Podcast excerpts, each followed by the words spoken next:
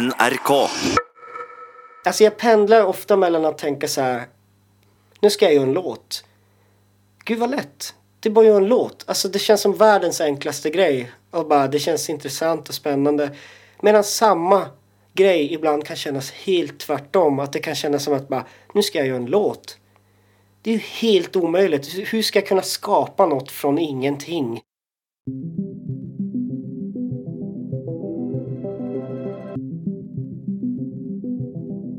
På ett hotellrum i Jokkmokk mötte jag Magnus Ekelund, också känd som Kitok, som var hjemom för en spillejobb.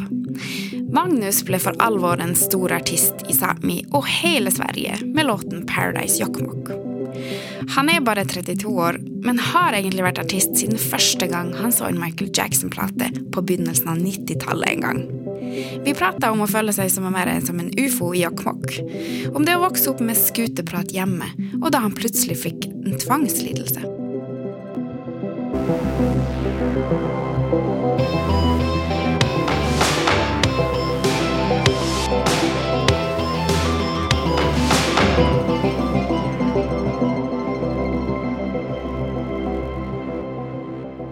Och, Eller du får väl sitta så, så här tror jag.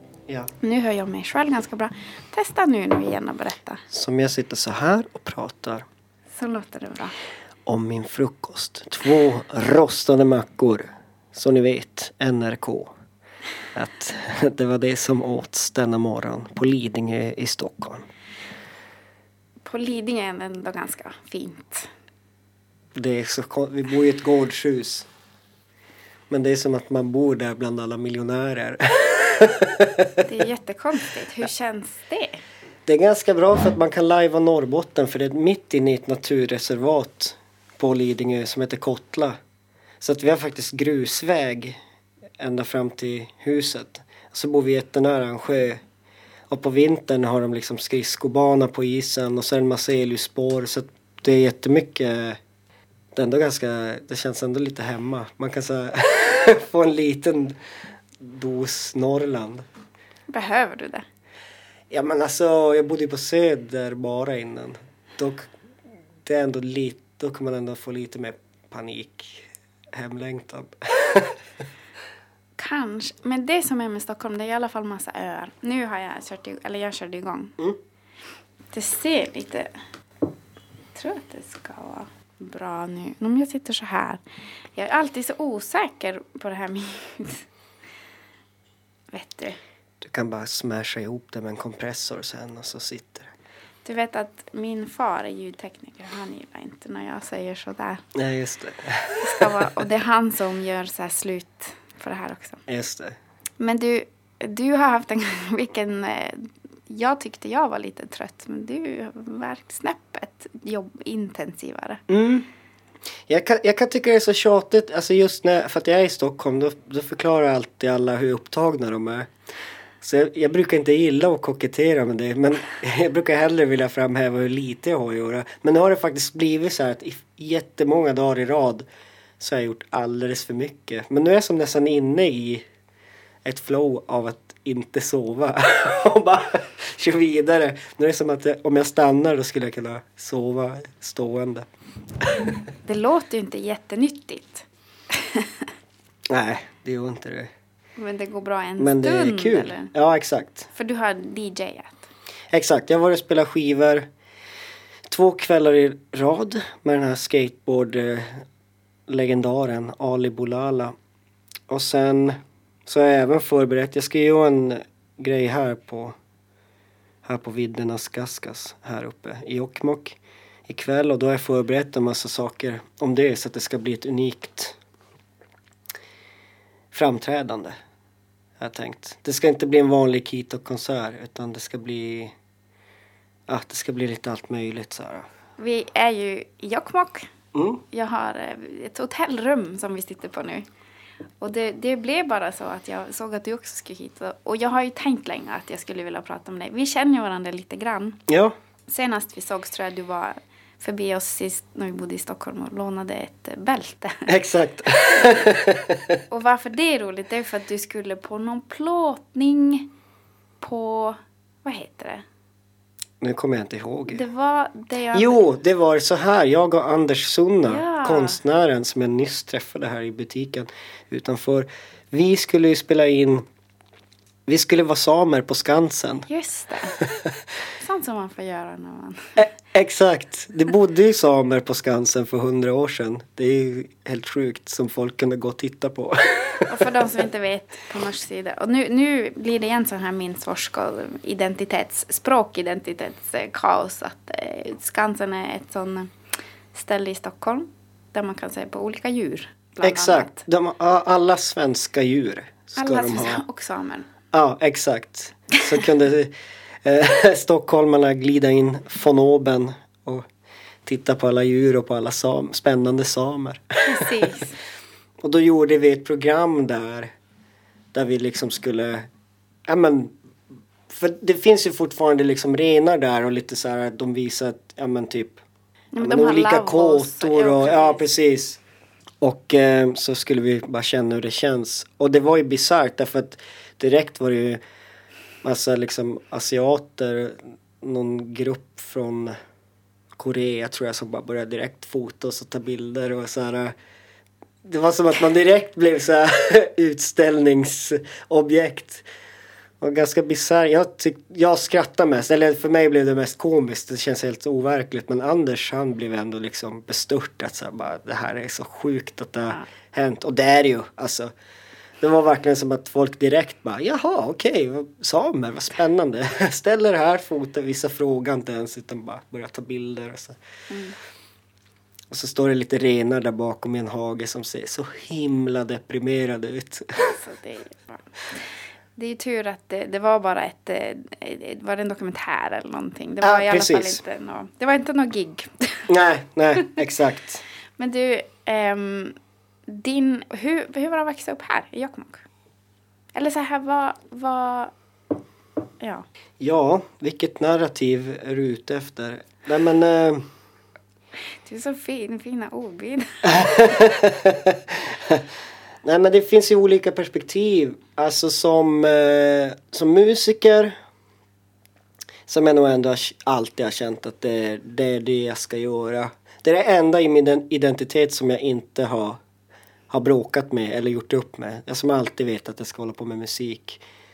Och det var ju väldigt kvävande alltså. Det var väldigt svårt liksom. För att det är så lite folk. Och för att musik inte premieras, i alla fall inte på den tiden. Hur, hur såg du ut liksom i skolan? Ja, men, för det första ville jag börja spela trummor först och då var det ju hemifrån nej, absolut inte ett trumset. Ja men okej, då vill jag spela elgitarr. Så kommer man dit och de bara nej men då måste du spela blockflöjt först. Men det vägrade jag. Alltså det var typ precis i vi var, alltså jag är 86 det var precis någonstans där man inte behövde spela blockflöjt först ett år typ. Alltså något sånt där helt orimligt system. Eh, så jag tjatade så att jag i alla fall fick börja spela akustisk gitarr först. Men det tog jättelänge innan jag ens fick liksom hålla i en elgitarr. Alltså så på den nivån var det jättejobbigt. Sen också svårt att hitta folk att spela med. För att om man var musikintresserad då var det också så här, ja men då var ju någon, ville ju någon annan spela metal och en vill spela, ja men liksom det är svårt att, att få det att gå ihop. Men sen då i tonåren då började jag ta kontroll över saker. Liksom, då började jag liksom höra av mig till musikläraren och sa finns det inget gammal, någon gammal högtalarsystem jag kan få låna, säger jag inom citationstecken. Så då blev det ganska bra. Då började man kunna få ha nycklar till olika ställen. Det finns hur mycket tomma lokaler som helst. Så då, då blev det lättare att så här, låna instrument som bara står. Och då, då kunde jag liksom börja använda fördelarna med att det är ett litet ställe liksom. Och så är man ju superuttråkad på en liten ort. Så då sitter man bara och gör musik liksom. Och det är bra på ett sätt. Att inte ha så mycket distraktioner. Nej. Jag går och frågar om de kan. Ja.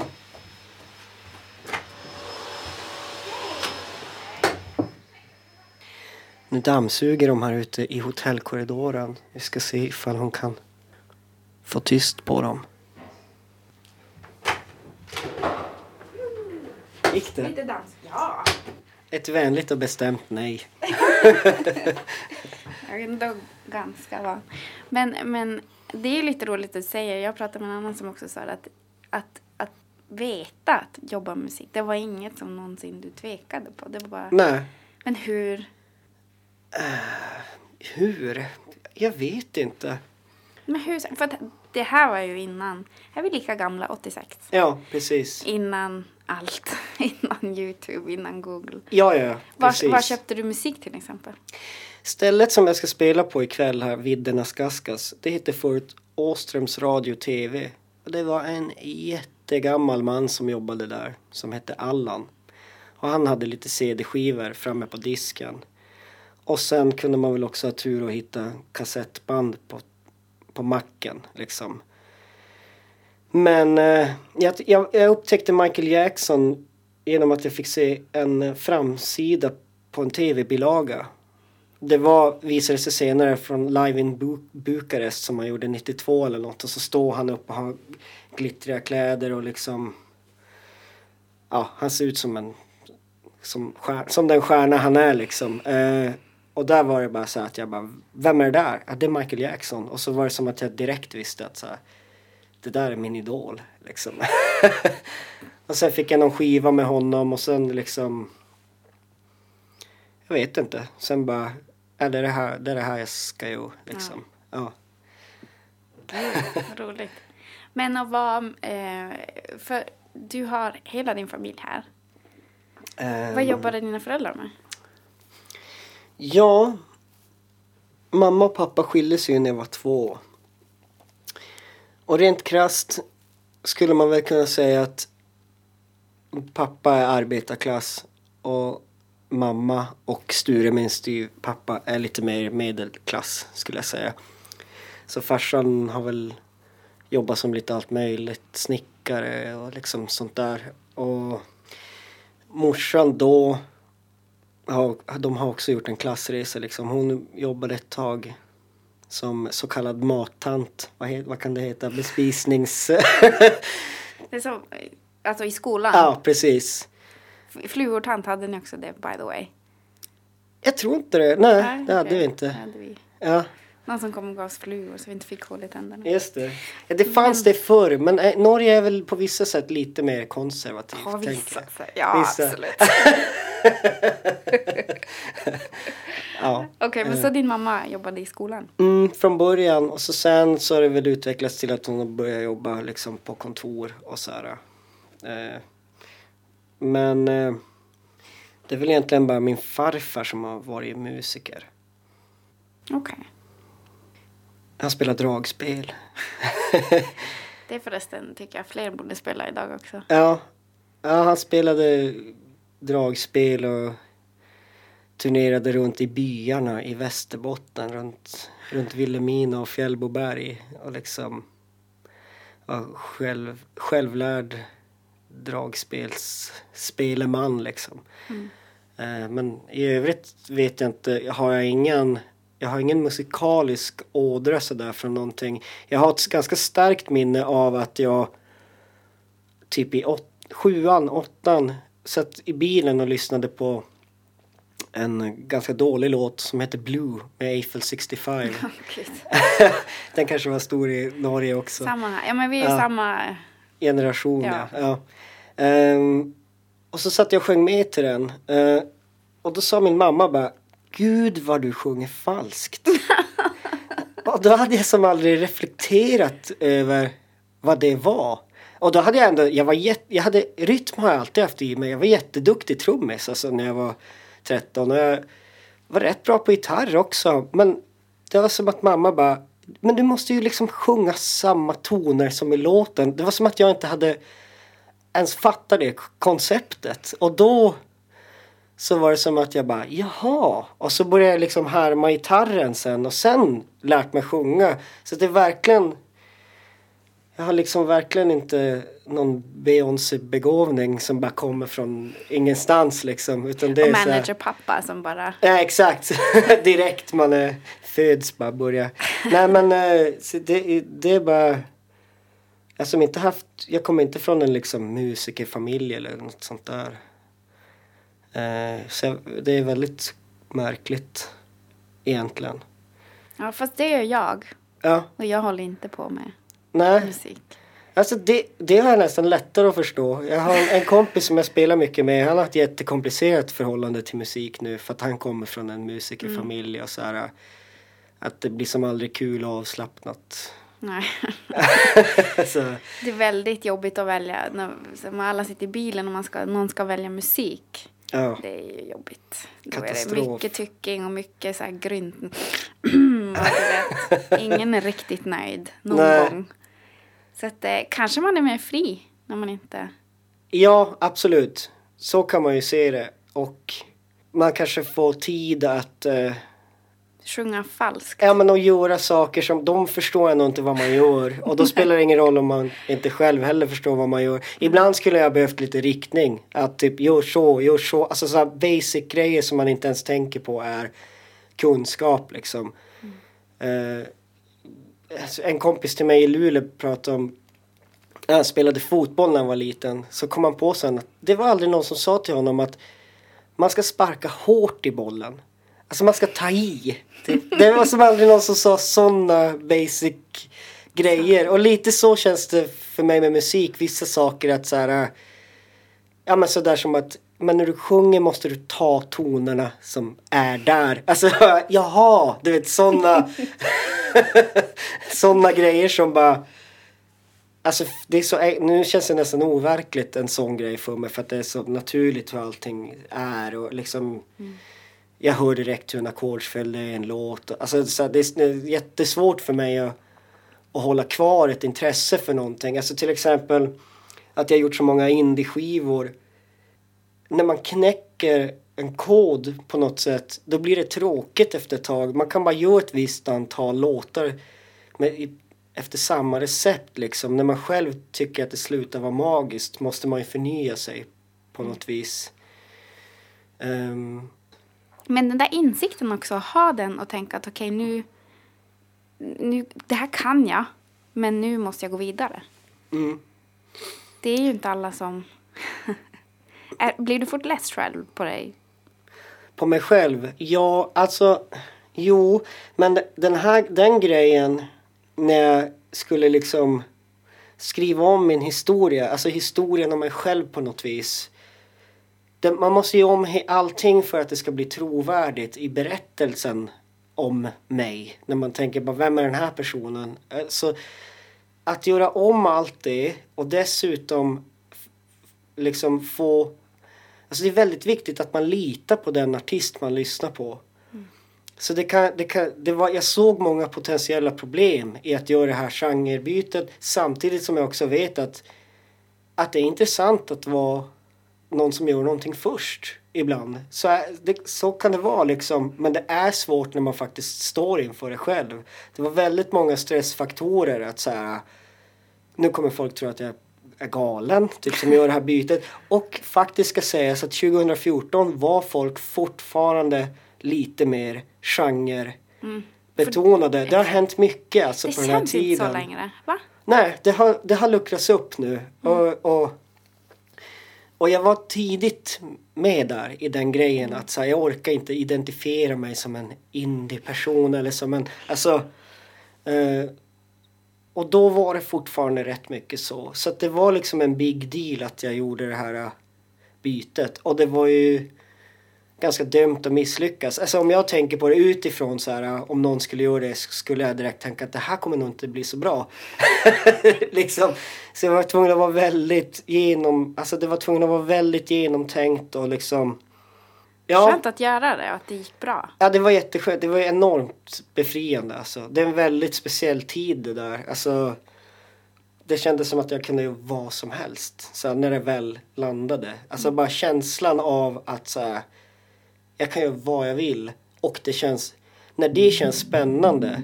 Då blir det så himla bra musik.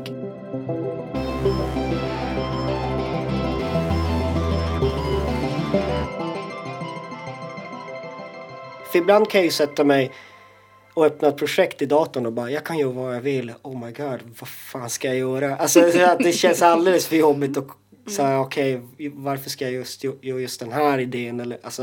Mm.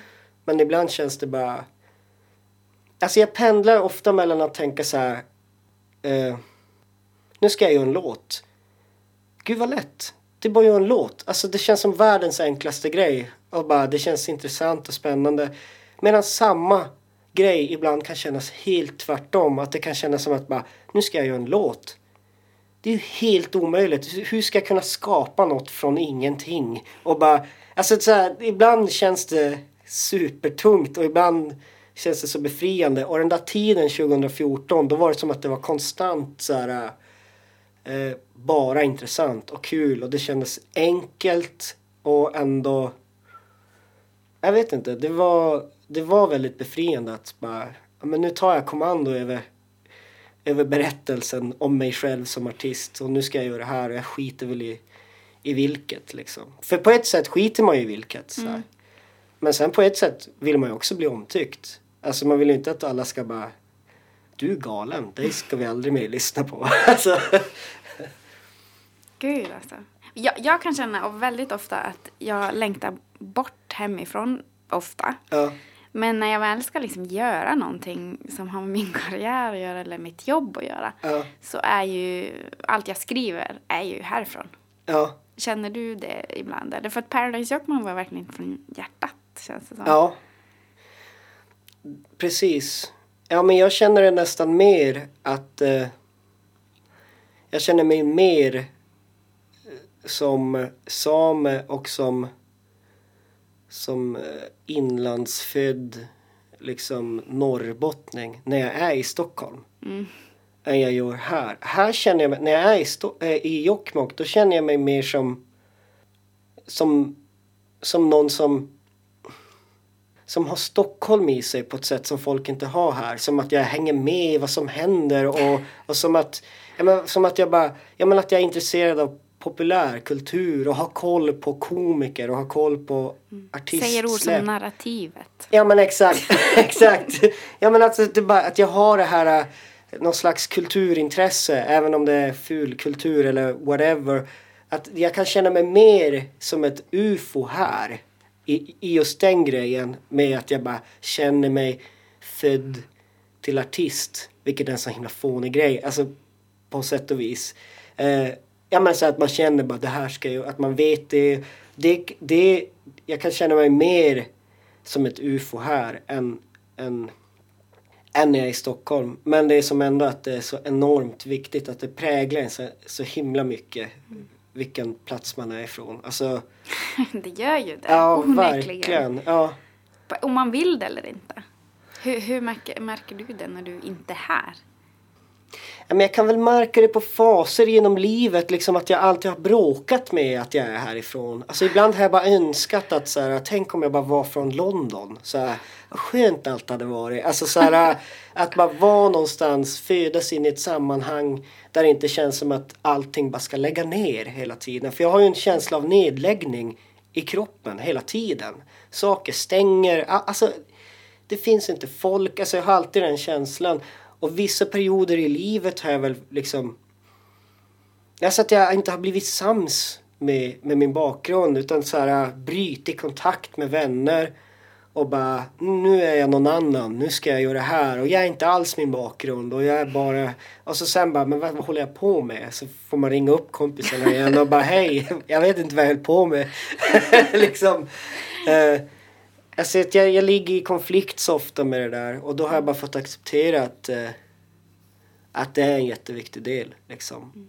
av vem jag är. Men det har också blivit enklare när andras blickar på vad jag gör och att jag är artist, när det tas på allvar då blir det enklare att komma hem och uppskatta allt som finns här hemma. För att, jag menar, om jag satt med mina eh, tre manliga syskon och min styvpappa och alla bara pratar skoter varje dag, alltid. Och så säger jag något annat så är de så här, du ska då alltid prata om det där. Man bara, men det är ju ni som är helt weird. Ni sitter bara och pratar skotrar varje... Ni, ni är helt insnöade på det här. Men det fattar de inte. Och då blir, det, då blir man liksom fylld med... Man känner sig inte hörd, man känner sig inte sedd. Eh, Det spelar ingen roll hur bra personer de är. Alltså, det, det, man, så här, innan jag visste... Innan jag, innan jag liksom kunde bevisa på något vis att jag är artist och att det här jag gör har ett slags värde på något sätt. Innan det så var det mycket svårare. Allt annat hängde liksom löst. Ja. Var det lite som att ingen... Nej men ingen egentligen hör dig för att ingen först... Ja, det är ju en klassiker Mm. också. Men jag, jag har ju växt upp också med brorsor bara. Ja. Där var det heller ingen som pratade om det jag tyckte var roligt. Nej. Och det är ingen som känner mig heller egentligen. Nej, det, nej exakt. Och, nej men precis. I min familj är det mycket sådär. Nu har det hänt mycket på senare tid. Men så här, det har varit mycket att Men, men jag måste bara säga, nu när du kommer hem, när du ändå har en ganska stor karriär. Mm. Är det helt okej att komma hem och lyssna på skotrar då? Är det något annat Ja. nu? Ja. Och då, du vet, de blir så himla bara Va? Vill du åka upp till stugan? Vill du åka till fjällen? Och så här. Och det är ganska kul. Än så länge så är det som att när jag väl är med då blir jag lite särbehandlad. Jag får, jag får köra morsans skoter. Jag behöver inte betala någon bensin. men, men det kommer snart ändras när de märker att Vänta nu. Han gillar det. Ja, exakt. Han, han tvingas inte med. Nej han gillar precis. det. Och det är som att de har kvar känslan så starkt av att jag verkligen, jag ville vara här. Jag ville vara nära asfalten. Jag ville liksom åka skateboard och spela musik. Och, men nu tycker jag det är helt magiskt att, att de tvingar med mig så mycket upp i, i fjällen och allt det där. Att jag liksom, jag förstår verkligen deras poäng med det. Liksom. Är det, är det också när man...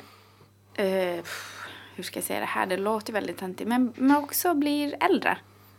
Mm. Eller? Ja men absolut, jag tror att det där hänger ihop. eh, Ja, jag håller med dig. Jag tror att det hänger ihop med det där. Man blir äldre och att bitar faller på plats. Jag har också fått, jag har fått bevisa någonting för mig själv.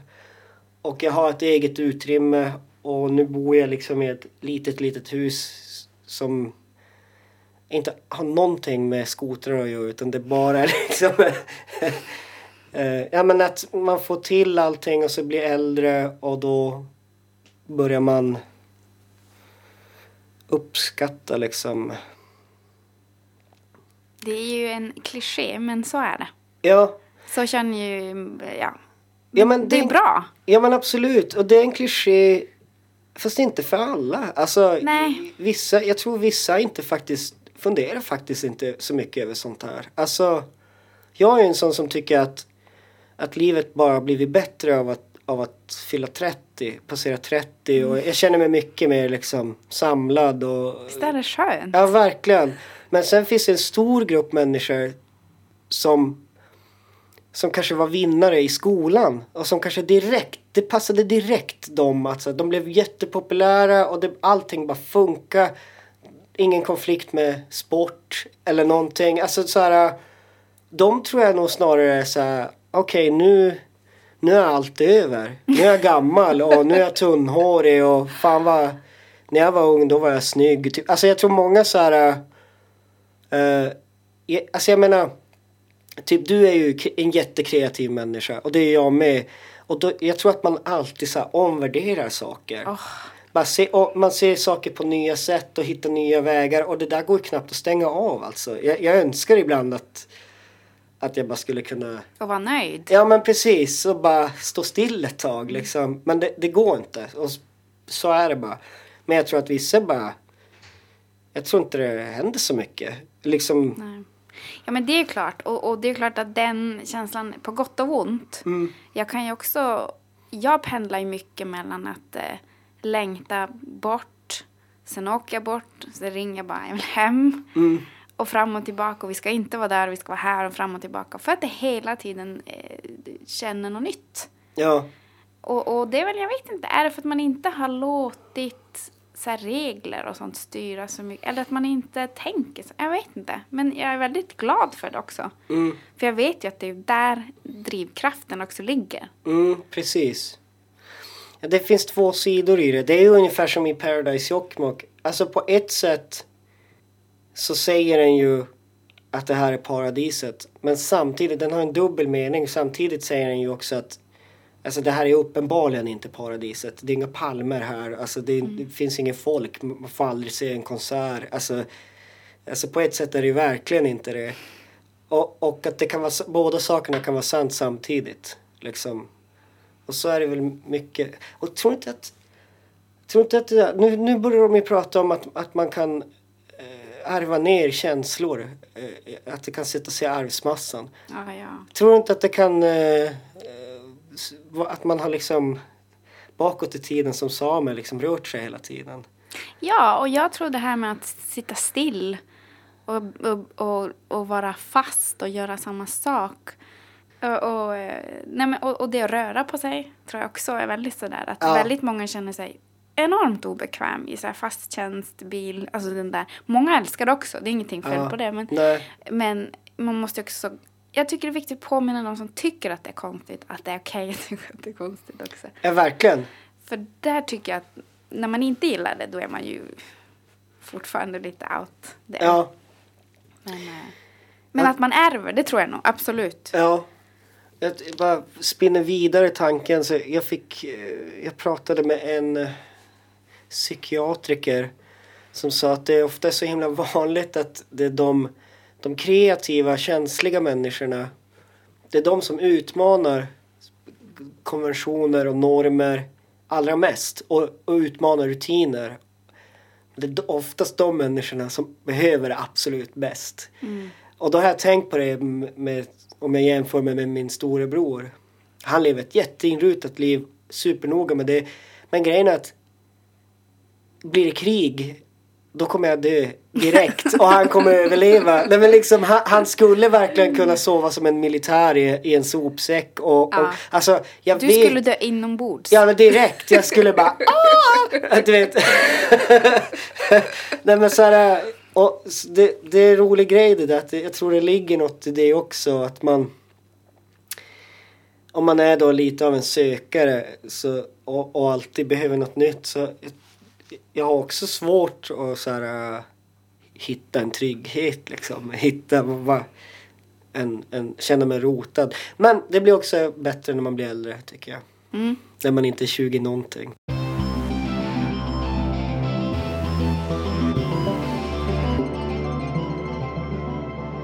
Jag har en kompis som, han är också 86 och han säger alltid eh, efter 30 då ska man bara, som vi säger på nordnorsk, ge fan. Just det. Eh, och den ja, jag tar till mig ganska mycket faktiskt. Ja. Eh, och speciellt nu när jag flyttar hem igen. För det är en annan sak att vara i Stockholm där ingen känner dig, där, där ingen bryr sig om vad du gör. Nej precis. På något sätt. Ja. Ehm, och sen kommer du dit där alla tittar och alla ser och vill veta. Vilket också är roligt men, men jag känner att man måste nog liksom komma ihåg och se vad man vill och hålla fast vid det och så här bråka för det och Ja. gå lite uppförsbacke jämt. Mm. Men, och, och det tycker jag egentligen går bra men jag undrar hur länge det går bra. Nej men precis. Alltså fördelarna i Stockholm det är ju den här anonymiteten. Man kan ju gå liksom i badrock och lösnäsa på affären och, ing, och ingen kommer bry sig. Alltså det kommer inte hända någonting och ingen känner igen en.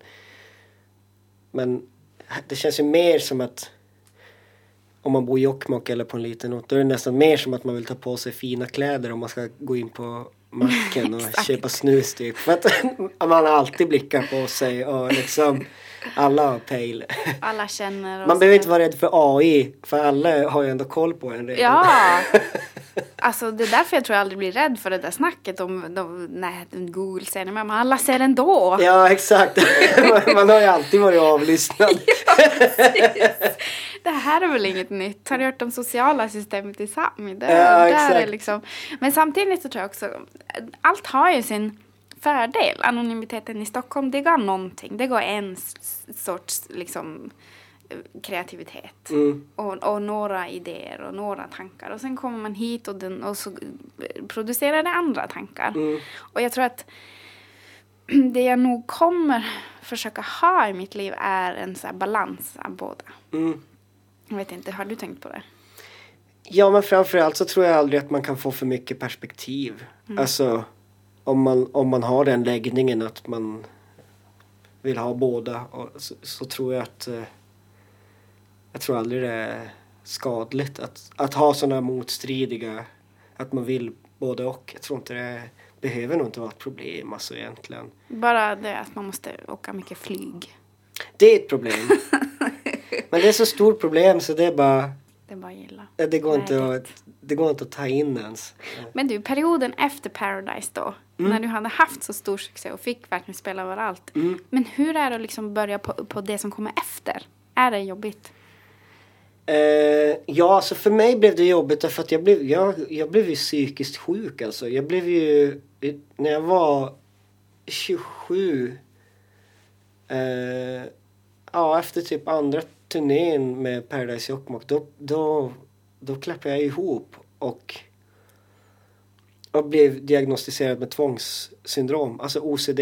Eh, och panikångest och sånt där. Jag har aldrig haft det innan. Men då visade det sig att Mamma fick katastroftankar när hon var 28 och mormor när hon var 26. Men är den ärftlig? Ja, det är ärftligt. De vet inte exakt vad det beror på. Men det är rätt kul att tre generationer liksom bara exakt samma ålder typ.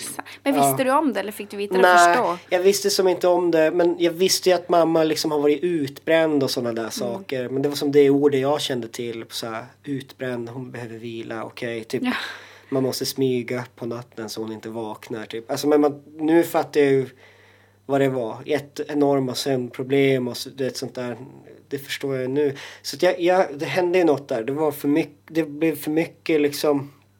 Och jag, och jag tog inte alls hand om mig själv. Och eh, det finns väl tre utlösande faktorer till, till OCD och det är hög press på sig själv, eh, för mycket alkohol och liten sömn. Det kan utlösa det. Och det var som att jag bara, det där, det där är ju mitt liv. Alltså, Check, check, ja, check. exakt, exakt. Eh, så det blev väldigt jobbigt. Och det där kan man ju snöa in alldeles för länge på. Men jag hade en fördel. För jag, jag, jag tog mig upp ur det där. Alltså.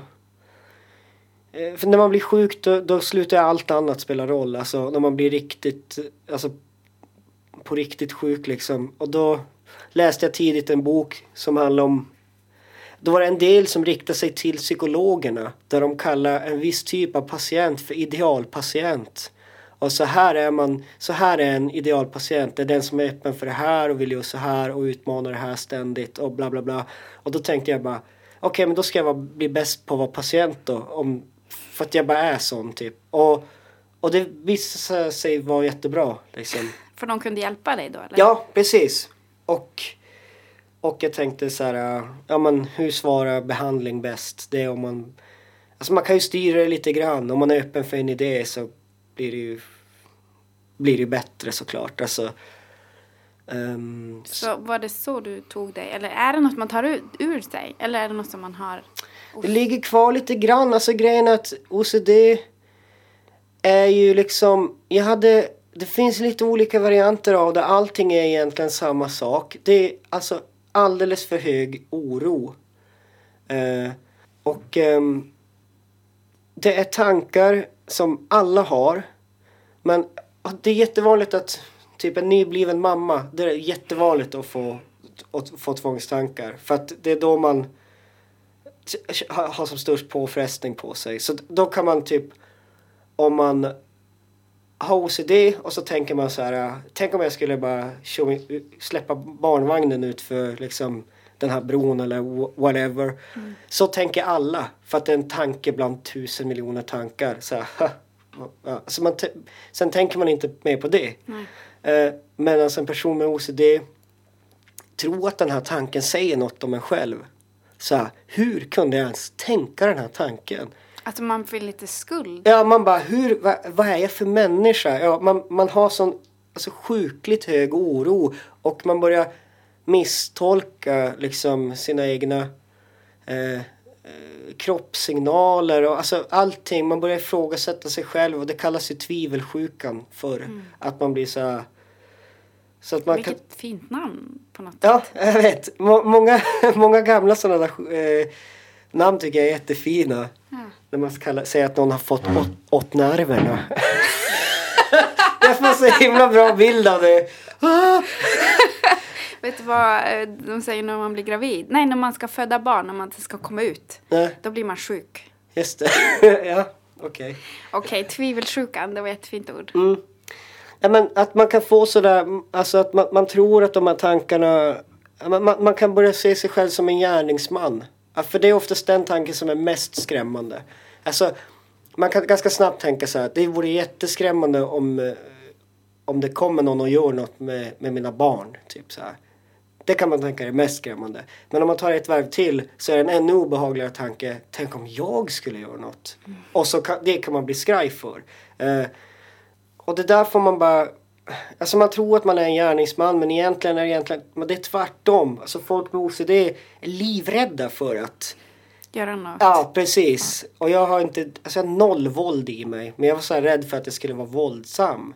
Alltså jag vet inte varför det blev så. Det, intellektuellt sett förstår jag att det är svammel. Men det är ju, alltså det är någonting som, som slutar fungera liksom. Men så känslomässigt känns det helt motsatt. Alltså det känns jätteobehagligt liksom. Och det slut, för folk som kanske är ensamma människor, de, de isolerar sig ofta. För att de bara tänker, nej, jag, jag kan ju hitta på vad fan som helst liksom. Alltså, jag tog upp det nyss i, i min egen podd att när Olof Palme, våran gamla statsminister på 80-talet, när han blev skjuten. Då var det jättemånga med OCD som gick till polisen och bara, det var jag som Nej. sköt honom. Ja, för att då blev det en sån stor grej. För att då hade man varit den mest hatade människan i Sverige. Liksom då, om, om du är mördaren till den här. Och då kan det bara paja enormt mycket. Om någon är djupt insjunken i OCD så bara, vad gjorde jag igår kväll? Tänk om...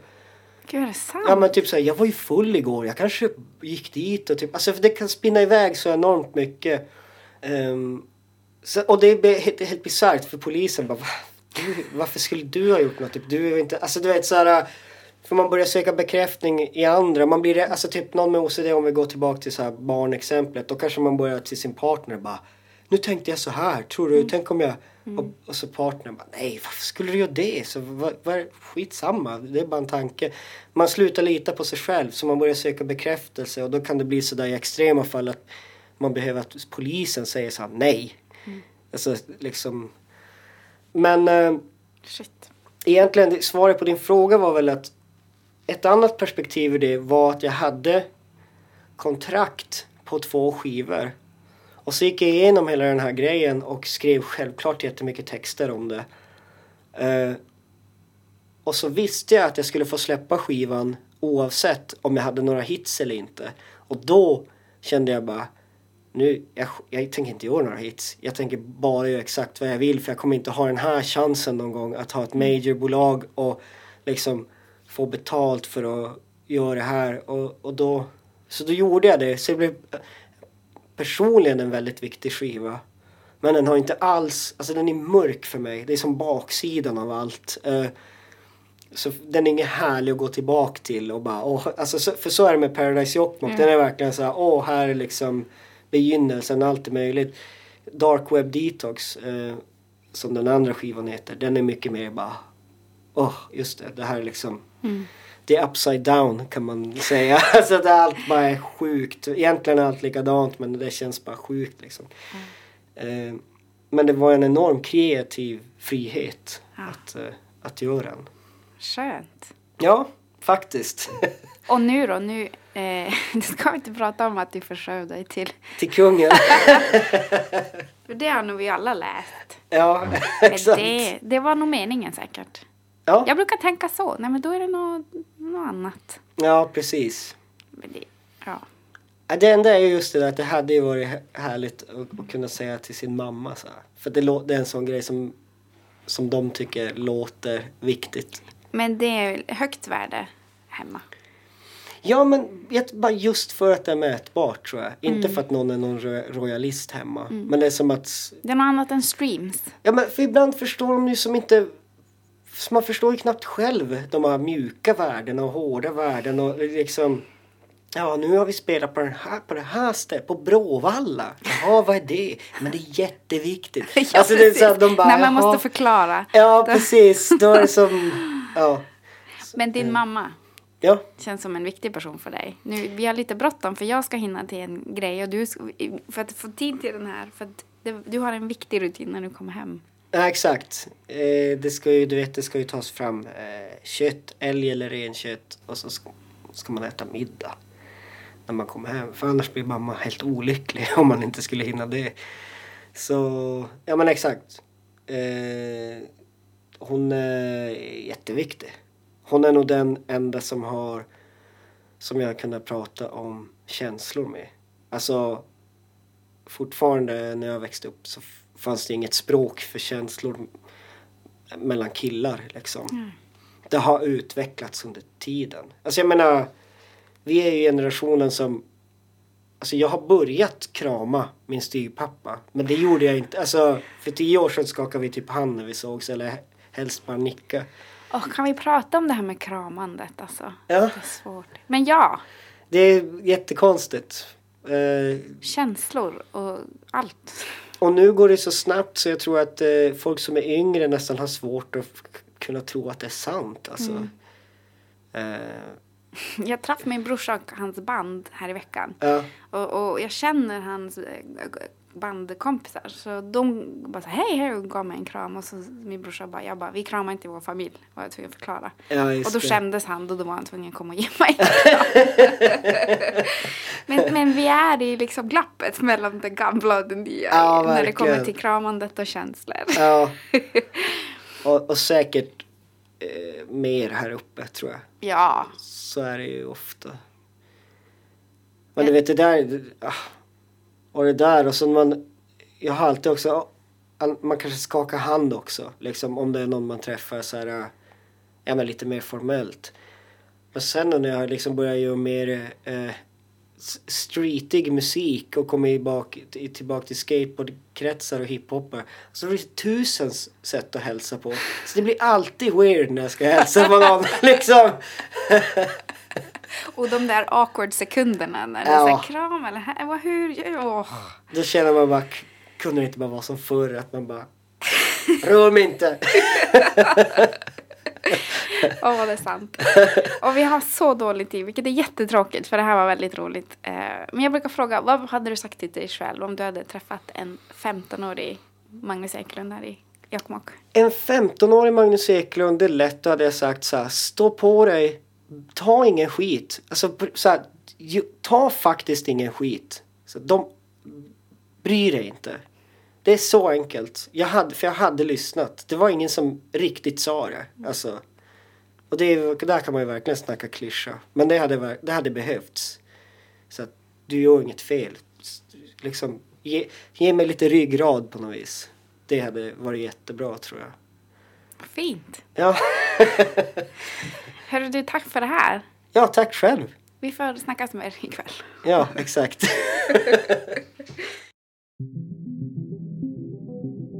Mun lään Liisa-Maria Kristensen ja se on gile tekniikalas oftast vasti tämän podcastas lää My Old Man Nils Martin Kristensen.